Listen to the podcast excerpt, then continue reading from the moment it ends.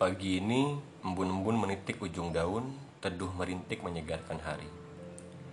Sekumpulan burung nuri saling berkicau tak henti, menjelma simfoni paling puisi. Bersyukur karena pagi ini aku kembali bangun untuk memulai hari. Bersyukur karena masih diberi napas untuk melanjutkan hidup sekali lagi. Semuanya terasa lebih tenang sekarang saat aku mulai memberi jeda pada arena kehidupan yang terus berkontestasi. Aku terlalu sibuk memikirkan bagaimana cara menjelma sosok teristimewa saat ke permukaan. Tanpa sadar bahwa semua yang tercipta memiliki makna dan porsi sendiri-sendiri. Aku menjadi mengerti bahwa kehidupan bukan tentang siapa yang terus menang, tapi juga tentang siapa yang dengan lapang dada menerima kekalahan meski satu dua adalah kekalahan telak yang membuat terjerembab. Adalah manusiawi saat kita cemburu pada beberapa dari mereka yang menang dengan rapi, sementara kita tertinggal kemudian tersisi. Seseorang pernah menemuiku dan mengatakan bahwa kehidupan adalah perlombaan. Jika kamu tidak bisa memenangkan kehidupan, maka kamu akan dikalahkan kehidupan.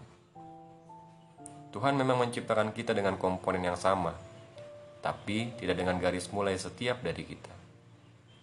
Beberapa mungkin memiliki garis mulai yang jauh di depan, sementara beberapa lainnya tak seberuntung itu perihal garis mulai yang ditetapkan. Jadi, tetaplah berjalan meski memulai start dari garis yang paling belakang. Berdamailah dengan keadaan, karena membanding-bandingkan bukan jalan keluar yang menyelesaikan. Setiap orang membawa cerita yang berbeda-beda, dan setiap cerita selalu punya makna. Maka ini bukan tentang dia yang paling nelangsa, atau juga bukan tentang dia yang berteman bahagia. Tapi ini tentang siapa yang mampu memastikan menjadi yang terbaik di setiap harinya. Selalu berusaha bermanfaat untuk sesama, berkhidmat dengan ikhlas pada alam semesta. Ini tentang kesan akhir seperti apa yang akan kita persembahkan untuk Sang Pencipta sebagai wujud dari selaksa rasa syukur atas lautan nikmat darinya. Seperti kata seorang guru, saat kita sadar bahwa kita sedang di dalam lautan nikmat darinya, tak ada lagi nelangsa, tak ada lagi bahagia.